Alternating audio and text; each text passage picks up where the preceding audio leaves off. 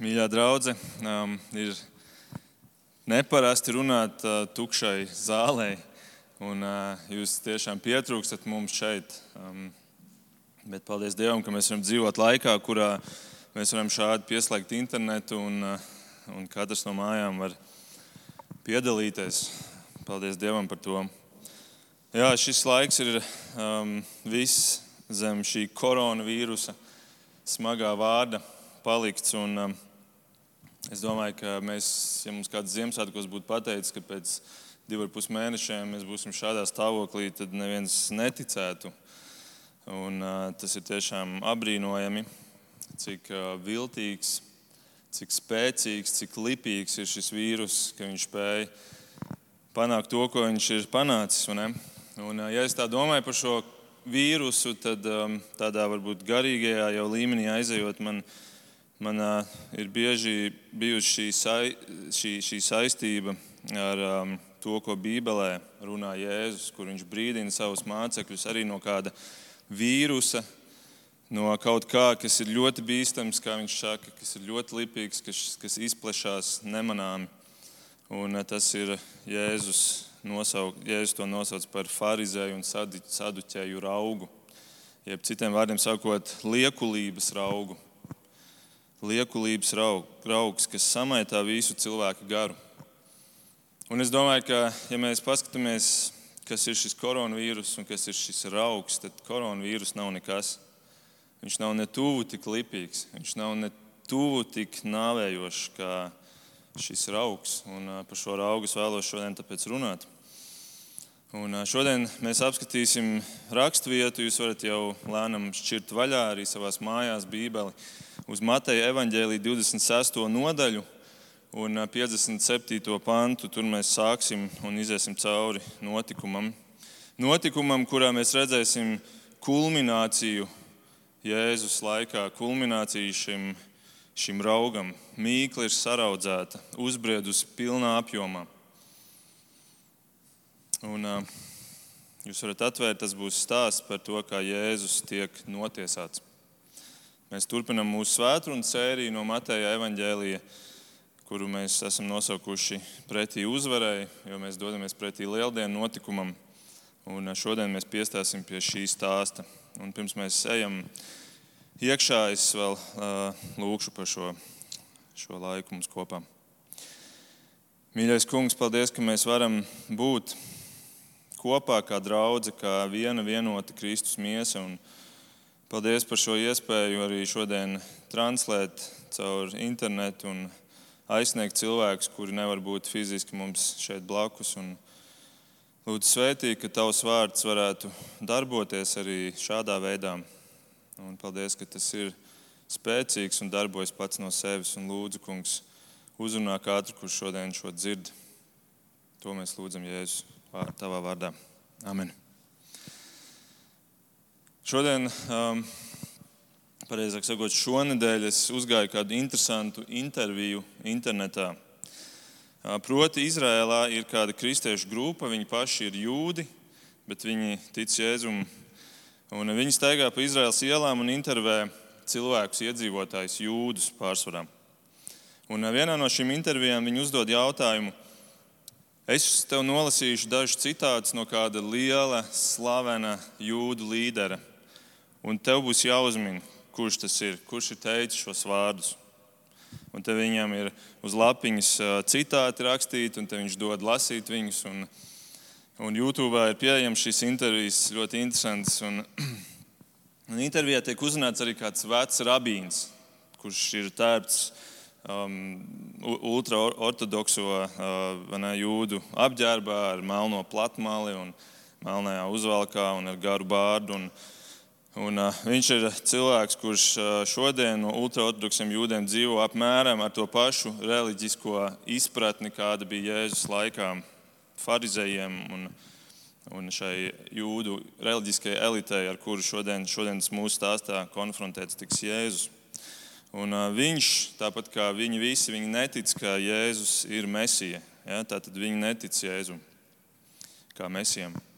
Un tad šis intervētājs viņam iedod šo lapiņu un saka, uh, reku noles lūdzu šos citātus. Nepasakot, ka tie ir Jēzus, jeb kā viņi sauc viņu, Ješua vārdi. Un tā nu šis rabīns ņem un izlasa vienu citātu pēc otra, un var ātri redzēt, ka viņš ir pārsteigts par šādu mācību. Viņš ir pārsteigts par šīm atziņām un šo gudrības dziļumu. Viņš, es citēju, burtiski viņš saka, wow, cik skaisti vārdi, cik skaisti vārdi. Un pēc kāda cita citāta viņš saka, viņa mīlestība pret Izraēlu ir neparasta. Viņš ir taisns jūts, taisns jūts.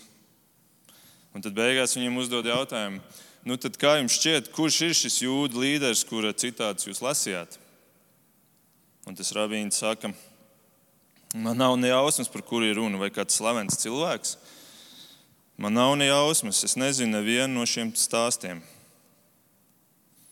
Un tad viņam atklāja, ka šie ir jūdu līdera Jēzus Kristus vārdi.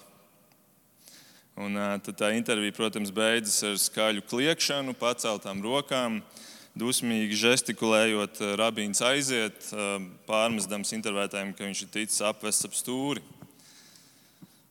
Bet šī intervija ļoti uzskatāmi parāda to neglīto patiesību par tik daudziem cilvēkiem šajā pasaulē, ne tikai ultraortodoksiem jūdiem, bet par katru, kurš nav gatavs ieklausīties Jēzus vārdos, Jēzu pašā.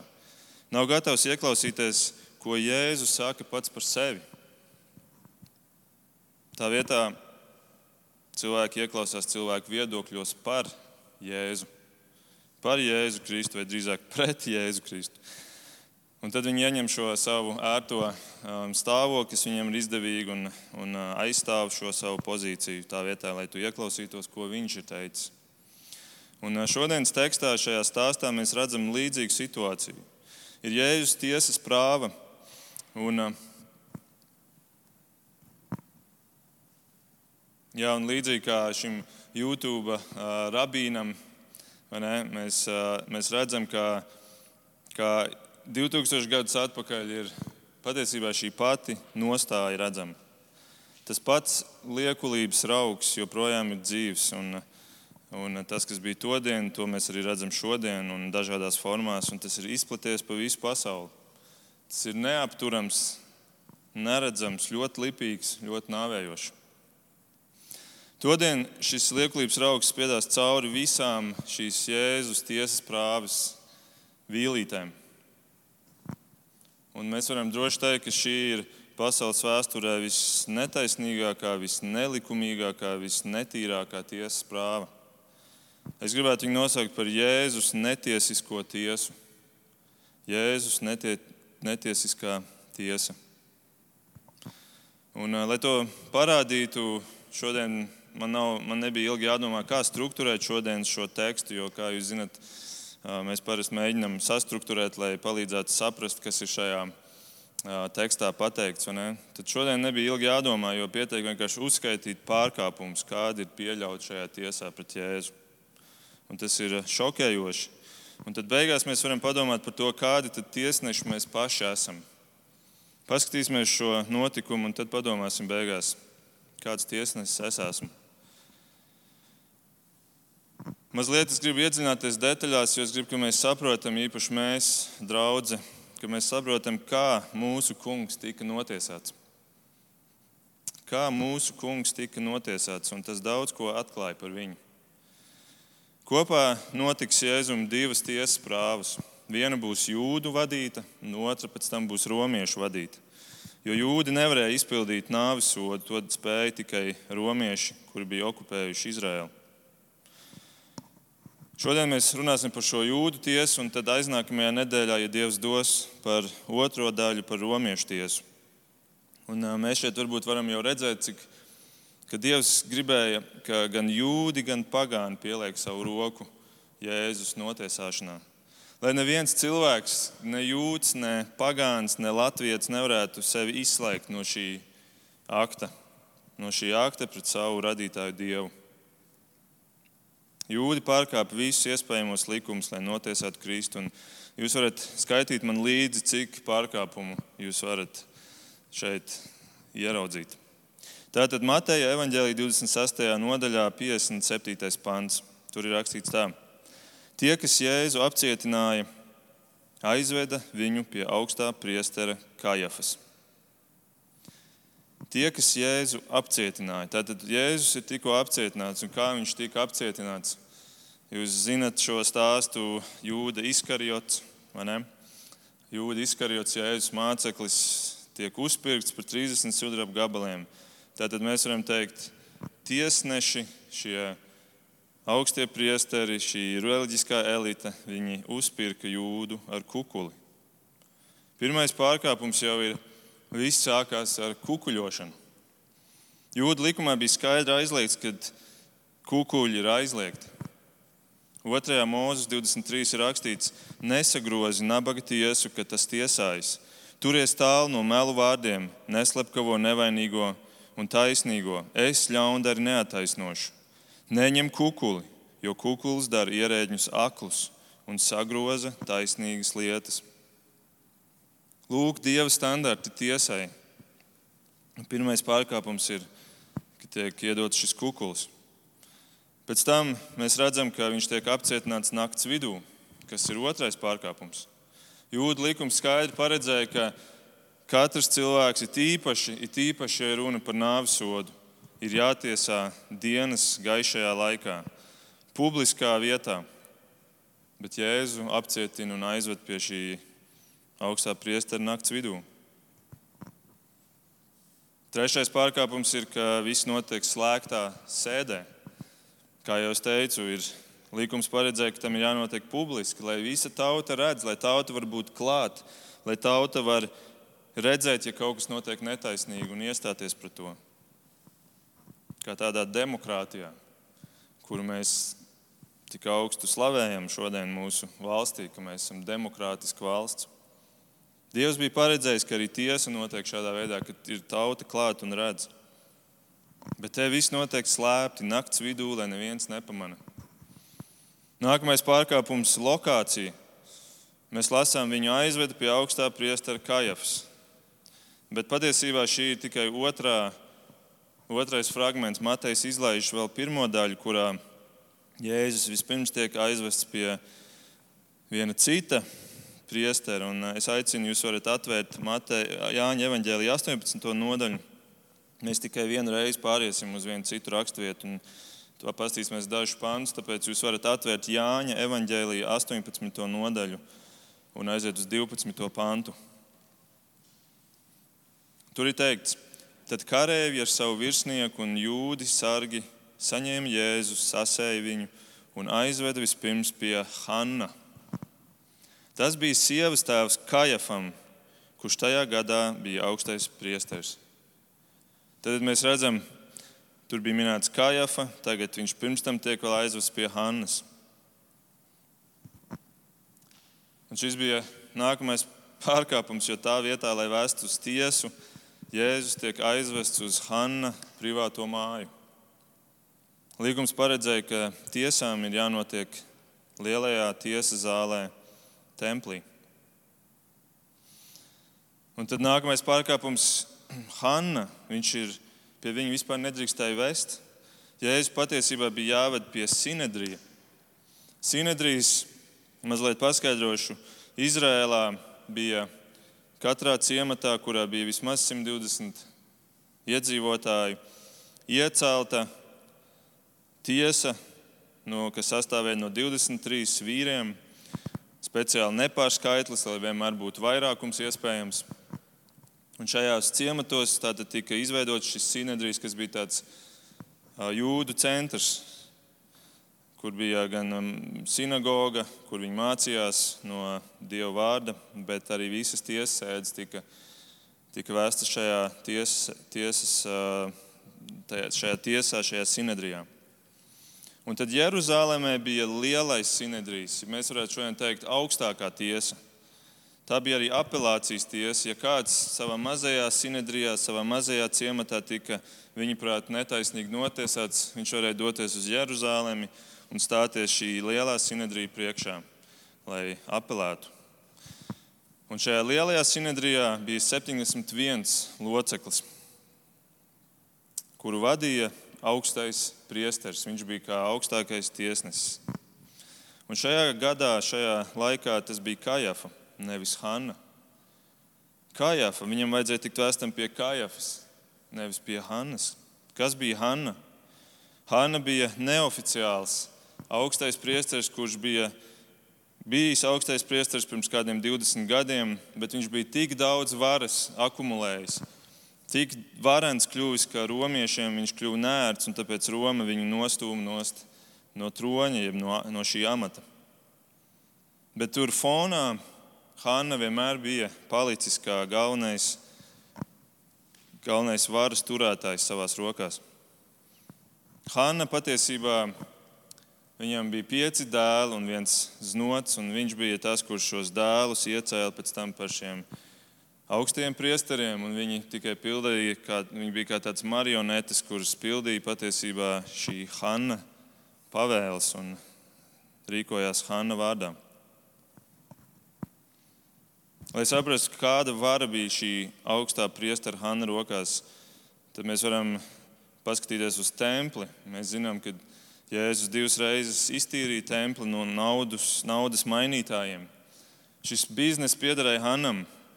Viņš bija tas, kuram, kurš bija ierīkojis šos naudas mainītājus. Un, ja kāds cilvēks nāca uz templi, viņš nevarēja nākt ar tukšām rokām. Viņam bija jānes kāds upurs, kāda nauda, piemēram, ne, jāziedo.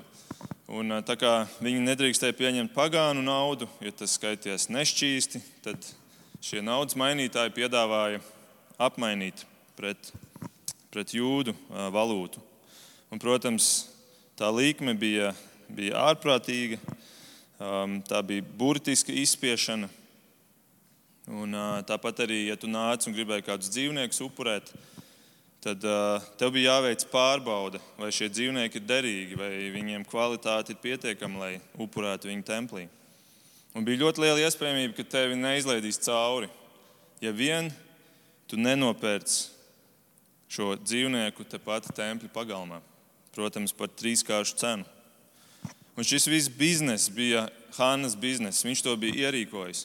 Un tādēļ Hanna bija īpaši nikns uz Jēzu, kad viņš divas reizes šo templi iztīra. Un, un tas, tas bija viņa iejaukšanās viņa privātajā biznesē. Jūs varat iedomāties. Beigās Jēzus pat izdarot to, viņš saka, ir rakstīts, mans nams būs lūkšanas nams bet jūs esat to padarījuši par laupītāju midzeni. Tātad Jēzus publiski ir Hannu nosaucis par laupītāju, Hannu ar viņu templi mafiju. Tātad redziet, viens iemesls ir nauda, bet otrs iemesls ir, ka Jēzus kritizēja šo visu mācību, kuru Hanna un viņa banda Izrēlam spieda virsū.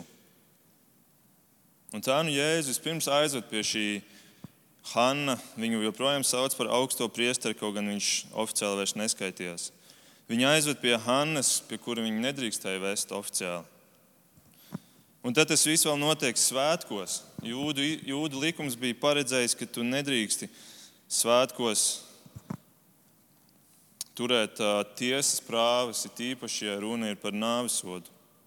Tas bija aizliegts. Bet šis viss notiek Paskā svētku, lielāko svētku, Paskā svētku priekšvakarā. Kas par pārkāpumiem? Šis jau ir, ja jūs skaitījāt līdzi, sastais pārkāpums. Bet tā nu Jēzus stāv šī Hanna priekšā, un mēs varam 19. pantā mūsu Jāņa evanģēlijā izlasīt, ko, kas tur notiek. Hanna, tad tikmēr augstais priesteris izjautāja Jēzu par viņa mācekļiem un par viņa mācību. Tātad Jēzus tiek atvests šī Hanna priekšā, un tagad augstais priesteris izjautā Jēzu par viņa mācekļiem un par viņa mācību. Redziet šo vārdu, izjautāja. Tā vietā, lai Jēzum pasludinātu, par ko viņš ir apcietināts, lai viņam nosauktu, kas ir tā apsūdzība pret viņu, Viņiem tikai tiek uzdot jautājumi. Hanna uzdod jautājumus, cenšoties kaut ko atrast, kaut ko, kas varētu pamatot šo arestu. Te viss notiek pretējā virzienā. Jo nekādas apsūdzības nav. Viņš nekādu apsūdzību nevar nosaukt. Un tāpēc Jēzus 20. pantā viņam atbild: Es pasaulē esmu runājis atklāti. Es vienmēr esmu mācījis sinagogā un templī, kur sanāk jūdi kopā, un neko neesmu runājis slepenībā. Kādēļ tu jautā man? Kādēļ tu jautā man? Tev vajadzētu man teikt, tev vajadzētu man pasludināt manu apsūdzību. Kādēļ tu jautā man? Iedomājieties, jums atnāk, atnāk vēstule, ierakstīt vēstuli, un jūs tiekat aicināti uz kādu tiesas sēdi. Jūs īsti nezināt, par ko ir runa, jūs tiekat atvesti. Un tad šajā tiesā jums uzdod jautājums, par ko varētu jūs notiesāt. Neviens tev nepasaka, par ko tu esi apsūdzēts, bet tev lūdzu pastāstīt, ar ko tu nodarbojies, kādi ir tavi draugi, Varbūt, ka izdosies kaut ko atrast. Tas ir neiedomājami mūsu tiesiskajā valstī. Kādēļ tu jautā man? Un tad, ja es turpinu jautāt tiem, kas ir dzirdējuši, ko es viņiem esmu runājis, redzi, tie zina, ko es esmu teicis. Ja es saku, jautā tiem, kur ir mani liecinieki, un tad mēs esam pie nākamā pārkāpuma. Jūda likums pieprasīja, ka apsūdzētajam ir tiesības aizstāvībai. Apsūdzētajam ir jābūt pieejamai aizstāvībai. Tas ir kā mums šodien, ka mēs varam paņemt advokātu, kurš mūsu interesēs ne, runā un, un aizstāv mūsu. Mēs varam pieaicināt lieciniekus, kuri liecinās, lai aizstāvētu mūsu. Un Dieva prāts bija, ka jūdu tiesā ir jābūt iespējai aizstāvēt, ka tas viss notiek taisnīgi. Bet Jēzus liecinieki nebija klāt. Viņš bija atvests viens pats. Jēzus bez advokāta, Jēzus bez lieciniekiem, Jēzus bez jebkādas aizstāvības.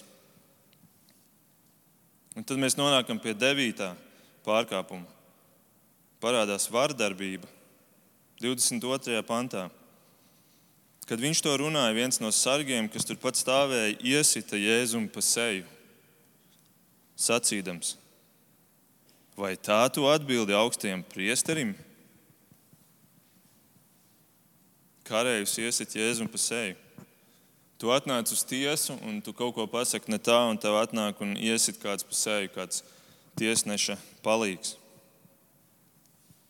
Tad tu reāli saproti, ka šeit šī tiesa ir pretiesiska.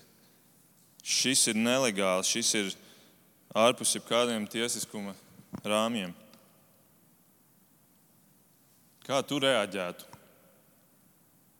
Kā tu reaģētu, ja tev iesist pa seju tiesā? Kā tu reaģēji, kad tev pēdējo reizi kāds izdarīja netaisnību pret tevi? Kaut ko, kur tu skaidri zini, tas nav, to es neesmu pelnījis. Kā Jēzus reaģē šeit? Ziniet, apstults Pāvils dažus gadus vēlāk stāvēja tieši turpat, kur Jēzus šodien šī paša sinedrija priekšā, un arī viņam iesit pa seju.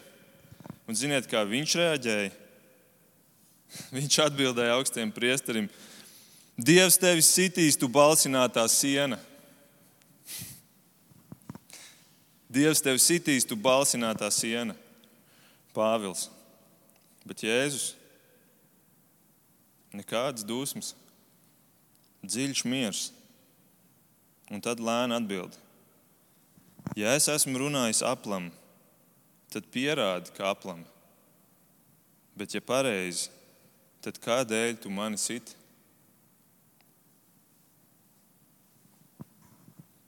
Kas par atbildi? Dievišķa atbildi. Dievišķa miera piepildīta atbildi. Ja es esmu runājis aplam, tad pierādi, ka aplam. Mēs taču esam tiesā. Bet, ja es esmu runājis pareizi, tad kādēļ tu man citi? Atbildi, uz kuru Hanam vairs nav atbildes. Viņam vairs nav ko atbildēt, un tāpēc viņš aizsūta Jēzu prom pie savas nota, pie oficiālā augstā priestera Kajavas, un nu mēs varam aiziet atpakaļ uz mūsu Mateja evaņģēlī 26. nodaļu. Un, man liekas, apbrīnojam, ka Dievs ir pat šeit ielicis divus lieciniekus pret Jēzu šos abus augstos priesterus. Jo dieva tiesiskuma standarts ir, ka jābūt diviem vai trim lieciniekiem visam.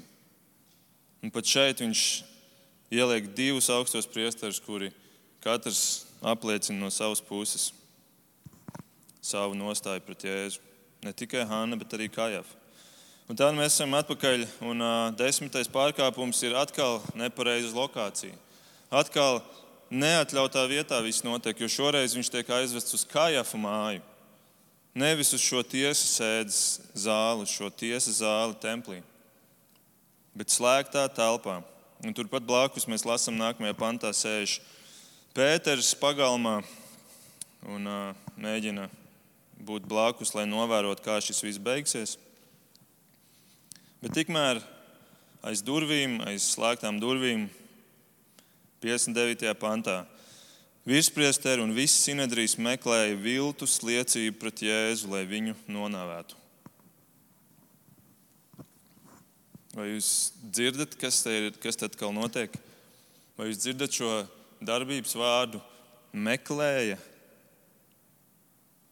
Tas pārkāpums ir, ka viņi šeit tēlo prokuratūru. Kā tas var būt, ka viņi meklē kaut ko? Sinedrijs bija tiesa, nevis prokuratūra. Sinedrijam bija jā, jākalpo kā tiesai, uz kuru atnāk cilvēks ar gatavu apsūdzību, nevis meklē apsūdzības, kā to šeit dara šie virspriesteri. Es paskatījos definīciju prokuratūrai. Prokuratūra ir iestāde, kas uzrauga likuma izpildi un ierosina sodīt likuma pārkāpējus, kā arī valsts vārdā uztur apsūdzību pret tiem tiesā. Tā ir prokuratūra, bet, bet šeit Kājāfa un Sinedrijas rūpīgi pārkāpj savus pilnvarus, meklē apsūdzību, nevis uzklausa citu izvirzītu apsūdzību par Jēzu.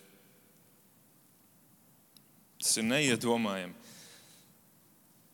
Un tad mēs dzirdam, meklē viltus liecības. 60. pantā ir teikts, bet viņi neatrada, lai gan daudzi nāca un nepatiesi liecināja. Daudzi nāca un nepatiesi liecināja. Nepatiesi varētu nozīmēt, ka viņiem nesaskanēja viņa liecības. Jo Dievs bija noteicis, ka, un arī tiesai bija noteikts, ka ir jābūt vismaz diviem vai trim, kuri, kuri liecības saskana. Un liecībai bija jābūt ļoti precīzai. Jūda likums paredzēja, ka, ja tu nāc, tev ir jānosauc gads, mēnesis, diena un stunda, kad notika šī lieta. Un, ja tu to nevari izdarīt, tad tava liecība nav valīda. Tu nevari nākt tiesā ar šādu liecību. Un tā nu viņi nāk un nāk, un, un patiesībā viltus lieciniekiem sods bija ļoti bargs. Ja tev atklāja, ka tu esi viltus liecinieks, tad tev tu tiki sodīts ar to, ar to pašu soda mēru, kuru tu gribēji panākt ar savu liecību pret to apsūdzēto cilvēku. Tad, ja tu liecināji pret kādu, kurš tiks notiesāts, jebkuram draudēja nāvisots, tad tava viltus liecība nozīmē, ka tu saņem nāvisodu pats. Un par spīti tam tas neatbiedēja viņus. Viņi nāca un, un, un, un deva šīs viltus liecības. Iespējams, uzpirkti no augstiem priesteriem. Jo viņiem neinteresēja fakti. Šiem augstiem priesteriem, šiem rakstu mācītājiem, šim sinedrijam, šai tiesai viņai neinteresēja patiesība. Līdzīgi kā mūsu YouTube rabīnam, kuram neinteresēja, ko Jēzus ir patiesībā teicis, ir savs savas intereses, savus priekšstats un, un pie tā jāpaliek. Bet neiedomājam, ka paši tiesneši pieaicina viltus lieciniekus. Es saprotu, ka, ka, ka pretējā puse, kur, kura tiesājās ar tevi, piesaistītu viltus liecinieks, bet tiesa, tiesa nopietni. Lūk, šis raugs, šis liekulības raugs, kā viņš ir saraudzējis šos Jēzus pretiniekus. Līkums prasīja, ka vismaz ir šīm divām liecībām jāsakrīt. Un tad mēs 61. pantā lasām, visbeidzot, pēc ilgām pūlēm, visbeidzot atnāca divi un teica, Viņš sacīja, es varu nojaukt dieva templi un trijās dienās no jauna to uzcelt. Viņš sacīja, kad, kur. Un te, kad mēs palasām otru liecību, kas ir pierakstīta Marka evanģēlijā, mēs redzam, ka pat tās liecības nesakrīt. nesakrīt. Bet īstenībā strūns par to, jo Jēzus patiesībā šo vispār nekad nav teicis. Jēzus Jāņa 2 teicis, sagraujiet šo templi, un trijās dienās es to atkal uzcelšu. Viņš nekad neteica, es nojaukšu šo dieva templi. Viņš teica, sagraujiet jūs, un es uzcelšu to no jauna. Tā ir pavisam cita doma, un bez tam viņš runāja par savu miesu kā templi. Par savu miesu, kur jūs sagrausiet, un es viņu trešajā dienā augšām celšu no mirušajiem. Bet šeit tas varenais, un man par šo bija ilgi jādomā, tas varenais šeit ir tas, ka Jēzus varēja neteikt šo citātu, zinot, ka viņam viņa piesies pēc kāda laika. Viņš varēja neteikt, viņš varēja pateikt skaidri, viņš varēja pateikt nevis templi, bet manu miesu. Bet kāpēc viņš to pieļāva? Acīm redzot, viņš gribēja, ka šajā dienā šie viltus liecinieki nāk un šo nosauc kā apsūdzību, kā viltus liecību pret viņu. Un te mēs redzam, ka šis, šis varenais Dievs radītājs pats tur visu kontroli šajās rokās. Neviens nevar dot nevienu liecību, bet Kristus ir parūpējies, ka re, kur ir šis citāts, kur jūs varat ņemt un sagrozīt. Es viņai teicu, kā metaforu, bet jūs viņu pārvērtīsiet par kaut ko, ko jūs liksiet man pretī. Cik varens ir šis, šis mierīgais jērs, kurš stāv šo plēsēju pretī, šiem plēsējiem pretī šajā tiesā. Viltus liecinieki. Un, un es atvainojos, bet uz šādu, man liekas, tas ir, tas ir, vispār, tas ir vispār kronis visam šādu te teikumu balstīt visu spriedumu, nāves sodu spriedumu. Es jums teicu, ka jūda likums paredzēja, ka tev ir jānosauc precīzi gads, mēnesis, diena, stunda. Nevis viņš sacīja, vai kā Mārka Evanģelijā teikts, mēs esam dzirdējuši viņu sakām. Ļoti, ļoti pamatots apsūdzības. Viltus liecības, kuras nemaz nedrīkstētu tikt uzklausītas šādā tiesā, bet tas ir viens liels fars. Un tad 62. pantā Tad piecēlās augstais priesteris un viņam sacīja: Vai tu neatbildēsi neko uz to, ko tie liecina pret tevi?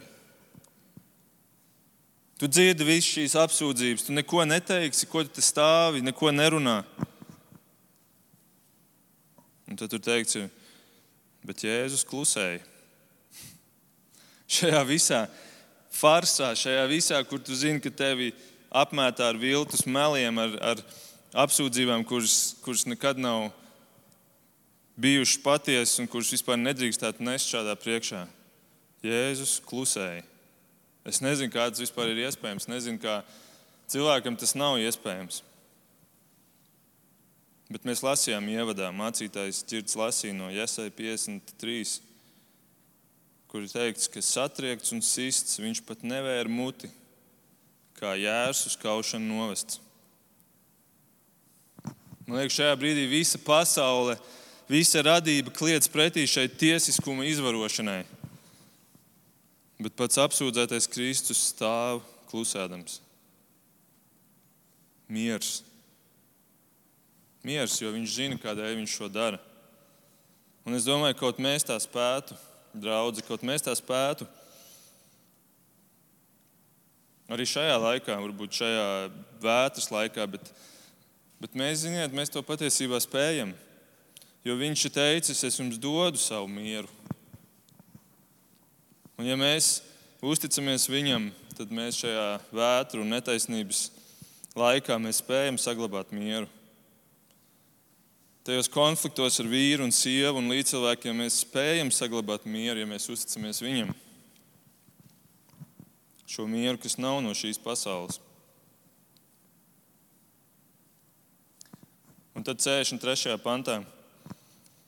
Tad augstais priesteris viņam sacīja: Es zvērinu tevi pie dzīvā dieva, saki mums. Citiem vārdiem sakot, labi, visu noliekam malā. Vienkārši saki mums, un es zvērinu pie dzīvā Dieva, un patiesībā viņš zvērina pie paša Jēzus, kurš viņam stāv pretī. Es zvērinu tev pie dzīvā Dieva, saki mums, vai tu esi Kristus Dieva dēls?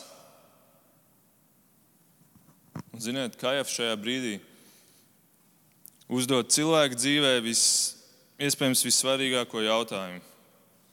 Vissvarīgāko jautājumu, kādu arī tu vari uzdot šajā dzīvē, un tas ir, ka tu nostājies pretī Kristum un jautā viņam, kas tu esi Jēzu? Kas tu esi Jēzu? Visa vēsture, visa pasaule liecina par to, ka tava vēsts ir tik spēcīga bijusi kā neviena cita vēsts.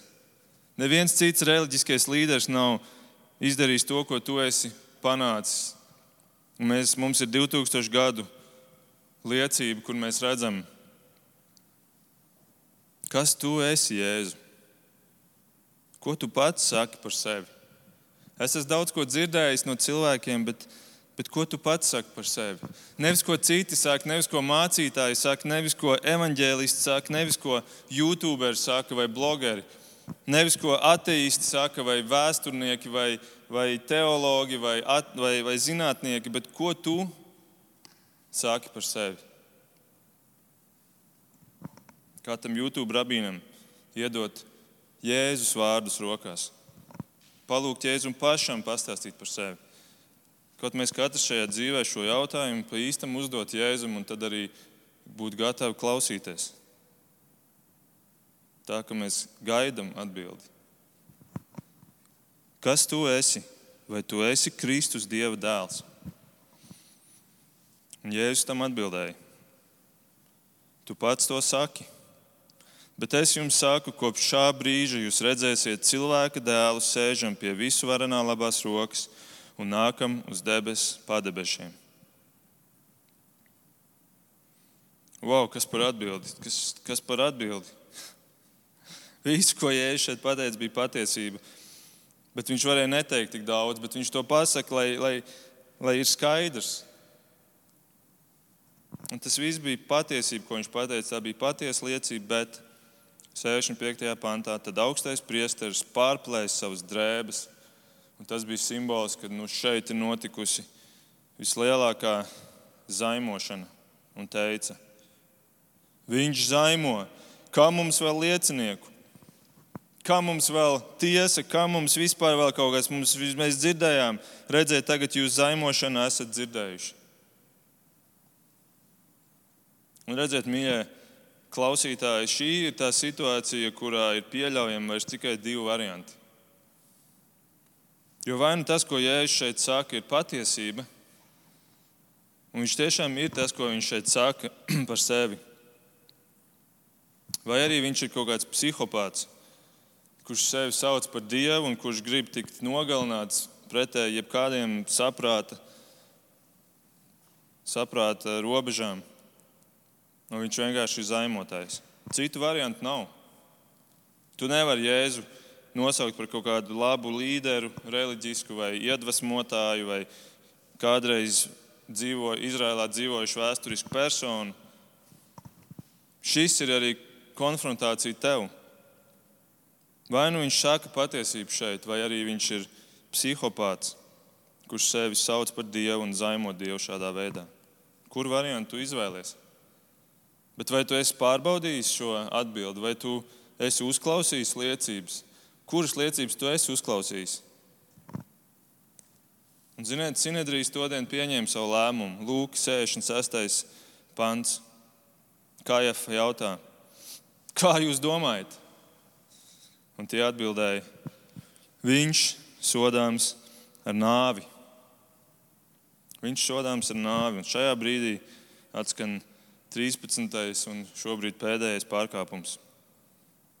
Viņi piespriež Kristum nāvisodu tikai dažas stundas pēc tam, kad viņš tika apcietināts. Kaut gan jūdu likums pieprasīja, ka nāvisoda spriedumu drīkst noteikti nolasīt tikai trešajā dienā. Kāpēc trešajā dienā? Tāpēc, ka, lai būtu šī otrā diena, pavīd šīs 24 stundas, lai vēlreiz izsvērtu visus argumentus, lai vēlreiz uzklausīt varbūt kādus lieciniekus, kuri vēl varētu nākt un, un pieteikties.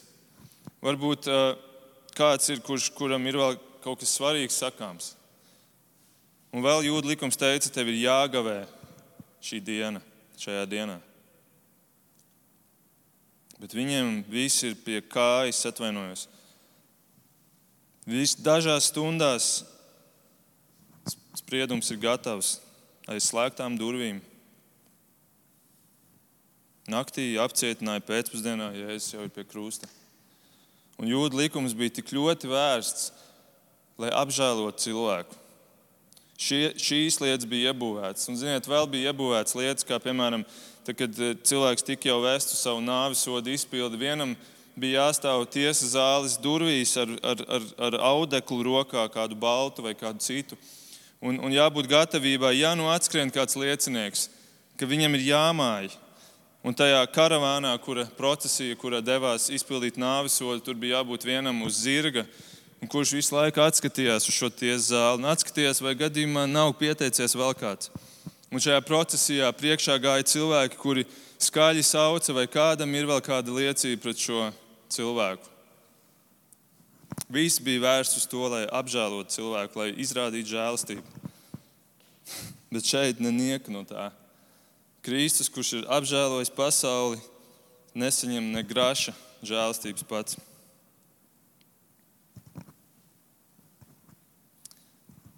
Lūk, Jēzus pretiesiskā tiesa. Šajos dažos pantos mēs redzam 13 pārkāpumus. Patiesība ir tā, ka visu, ko vien viņi varēja pārkāpt, viņi pārkāpa. ko tas atklāja par mūsu kungu? Ko tas atklāja par mūsu kungu? Uz šī tumšā, uz šī netīrā, uz šī asinīm apšlikstītā fona Jēzus spīd kā gaisma. Cik liels kontrasts. Un, man liekas, šis notikums ir iespējams visā Bībelē vispilgtākais apliecinājums tam, ko Jēzus tajā 53. nodaļā, kuru mācītājs lasīja ievadā, pravietoja par Jēzu, kur ir teikts, kāpu viņam ierādīja ar bezdieviem. Kaut gan nekādu netaisnību viņš nebija darījis, un viltības nebija viņa mutē. Jēzus bija bez grēka, un šī tiesas prāva visbrutālākajā veidā to parāda. Jo Sātans un visa elle ar visu savu viltu, ar visu savu demonisko spēku, ar visu cilvēku spēku, cilvēku resursiem, centās piešūt Jēzum vainu. Bet viņi bija bezspēcīgi. Un tādēļ viņiem nekas cits neatlika, izdarīt visu nepareizi. Kā pārkāpt visus likumus, lai notiesātu to, kurš nevienu likumu nebija pārkāpis. Ziniet, tajā YouTube intervijā tika uzrunāti vairāk cilvēku, nevis tikai šis rabīns. Un, un viena sieviete, kad jauna sieviete, viņam beigās, šīs intervijas beigās, viņiem teica, es esmu uzzinājusi lietas par Ješuā, kuras atšķīrās no tā, kas man bija mācīts par viņu. Tas man kaut kādā ziņā ir atvērs acis, netiesāt cilvēkus pēc tā, ko citi par viņu saka bet pārbaudīt pašai. Un, ziniet, man mīļie draugi un, un man mīļā draudzene, mēs katrs esam tiesnesis šajā dzīvē. Mēs katrs esam tiesnesis par savu dzīvi. Un mūsu priekšā tiek vēsts, vēsti divi, divas puses, divi liecinieki. Vienā pusē ir Dievs, kurš ir radījis šo pasauli. Un Dievs ir sūtījis savu dēlu, lai viņš būtu tas, kurš liecina par viņu. Un otrā pusē mums ir Sātans, kurš ir saņēmis atļauju no Dieva uz laiku valdīt pār šo pasauli. Lai mēs būtu taisnīgi tiesneši, nevis kā šie, šis fars, kas notika tur, Sinedrijā, bet lai mēs būtu taisnīgi tiesneši, mums ir jādod vārds abiem. Pasaule mums dod vārdu katru dienu. Ja pareizāk sakot, pasaulē mēs dodam vārdu katru dienu ar to, ko mēs, ko mēs sēžot internetā, skatāmies caur filmām, caur, caur grāmatām, caur dažādām mācībām, ideoloģijām. Pasaulē mēs dodam vārdu bez apstājas. Bet vai mēs dodam vārdu arī Dievam? Dieva vārds Jāņa evanģēlijā ir teikts, tapa miesa. Jēzus Kristus ir šis Dieva vārds, un Jēzus ir tas vārds, kurš nāk, lai liecinātu par Dievu, vai mēs dodam vārdu Jēzum. Vai mēs dodam vārdu Jēzum? Ja nē, tad mēs ejam tieši to pašu ceļu kā šie vīri. Un tad ar to mēs apliecinām, ka arī mūsos nemanāmi ielavās kāds vīrus, kas samētās visu miesu, kāds raugs, kas saraudzēs visu garu. Un varbūt, varbūt šis koronavīrus laiks ir kā iespēja mums. Nevis tikai lāsts, bet varbūt tā ir iespēja, kad visa pasaule apstājās, kad mēs arī apstājamies. Varbūt šis ir laiks, kurā mēs varam dot vārdu Dievam un beidzot dzirdēt, ko Viņš grib teikt mums un kas ir viņa liecība. Izmantosim šo iespēju. Lūksim Dievu. Mīļais kungs, paldies par to, ka mums ir tavs vārds pieejams. Ka mums ir pieejams tas, ko tu, Jēzu, esi teicis. Un, ja tu tiešām esi radījis šo pasauli un tu esi tik varants, tad es ticu, es esmu drošs, ka tu esi spējis arī savu vārdu atnest līdz mums, atnest patiesu tavu liecību. Un ka tas, ko mēs lasām par Jēzu, ir tiešām viņa vārdi un tie ir tik vareni. Kungs, lūdzu, dod, ka šīs nākamās arī nedēļas, kurās mēs esam spiesti būt mierā, būt mājās, ka varbūt tās būtu varbūt pat labākās nedēļas mūsu dzīvē, kur mēs varam dzirdēt, ko saka mūsu radītājs. Lūdzu, svētī mūsu šajā ziņā, kungs, katru. Un, lai ne tikai mūsu miesa var tikt pasargāta un tikt dziedināta, bet vēl jau vairāk mūsu mūžīgais gars. To mēs lūdzam Jēzus Kristus vārdā. Amen.